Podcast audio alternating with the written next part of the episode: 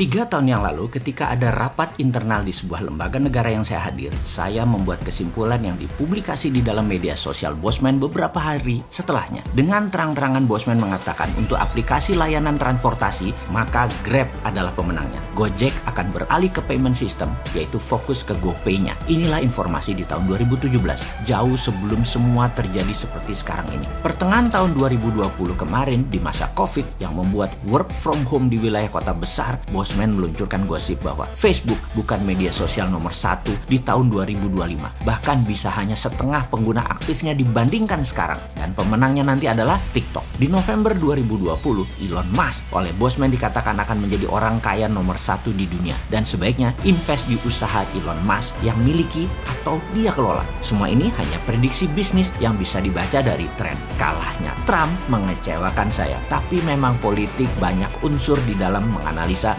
bukan hanya populer food. Singkat cerita, impian saya mencari sekondan dalam perang melawan komunis Tiongkok dan globalis bersama Trump musnah. Trump selesai. Kita fight sendirian. Nggak apa-apa. Seru malahan. Bosman ini untuk perang dengan komunis Tiongkok dalam economic approach strategi yang dipakai Tiongkok soft powernya sudah sangat siap untuk antisipasinya. Juga untuk lawan globalis. Setelah menang baru nanti sikat Amerika. Tetapi sekarang keoknya Amerika tanpa Trump, yowis. Amerika baru sekarang ini kita bahas di lain kesempatan. COVID dikatakan Bosman beritanya akan turun di seluruh dunia karena telah berhasil untuk memukul Trump. COVID telah selesai sebagai political tool. Namun tugas COVID sebagai pandemik masih panjang. COVID adalah musuh biologis dan belum bisa teratasi mungkin hingga 4 tahun ke depan. Kecuali bernegaranya seperti Mongolia mungkin ya atau beberapa negara yang dipimpin cewek seperti New Zealand, Taiwan. Itu semua bagus sekali mengelola COVID-nya. Sekarang kita balik ke geoekonomi dulu. Kita tinggalkan sebentar geopolitik Amerika yang sudah selesai dengan Biden dilantik. Demokrat menang dan bersiap-siap kita perang shadow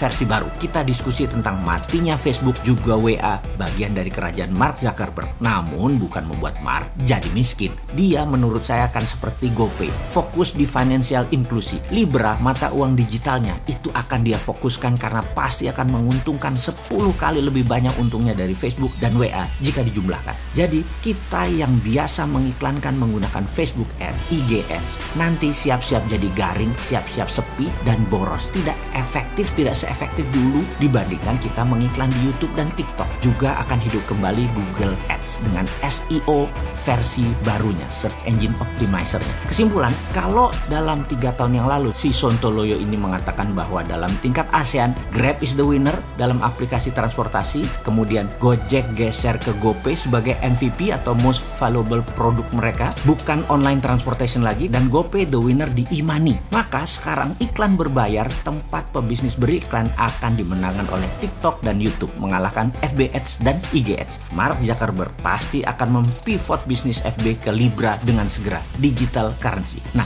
di sinilah swasta besar yang dalam bahasa Bosman adalah globalis cabal bermain memainkan dunia. Bayangkan, negara itu lebih berdaulat dari korporasi. Namun banyak negara yang dikelola dengan manajemen lemah tidak berdaulat jangankan lawan negara kuat, lawan big giant corporation aja keok Google bisa lo kendalikan sebuah negara, FBI, GWA bisa kendalikan sebuah negara. Banyak negara takluk karena rakyatnya sudah tergantung 99% terhadap giant corporation yang menggurita bagaikan kaki oktopus. Jadi kalau dalam Mardigunation kita akan menyarankan pemerintah swasta terbitkan Libra, terbitkan Bitcoin apa dasarnya? Kemudian e-renminbi dimainkan di Tiongkok tahun lalu di dalam negerinya menggantikan remimbi lama yang hanya beredar di dalam negeri berbasis proyek. Seperti saran Sontoloyo jauh-jauh hari, kita segera menerbitkan e-rupiah. E-rupiah ala MMT ya. Kemarin mengambil SWF-nya saran Bosman. Terima kasih. Tapi tetap pakai bunga, pakai pinjaman, bukan pakai cara MMT. Nggak apa-apa. Nice try. Selamat mencoba. Silahkan, monggo. Sekarang e-rupiah ala MMT, ala e-remimbi. Bukan ala Bitcoin, bukan ala Libra. Lakukan segera. Lembaganya kan sudah ada. SWF tadi. Beredar beredarnya e-rupiah tadi masuk langsung ke kalangan UKM. Bener deh bos, ekonomi kita ini bisa belangsak di tahun 2021 ini, tahun kepekatan. Kalau tahun 2020 saja, tahun inflasi, tahun 2021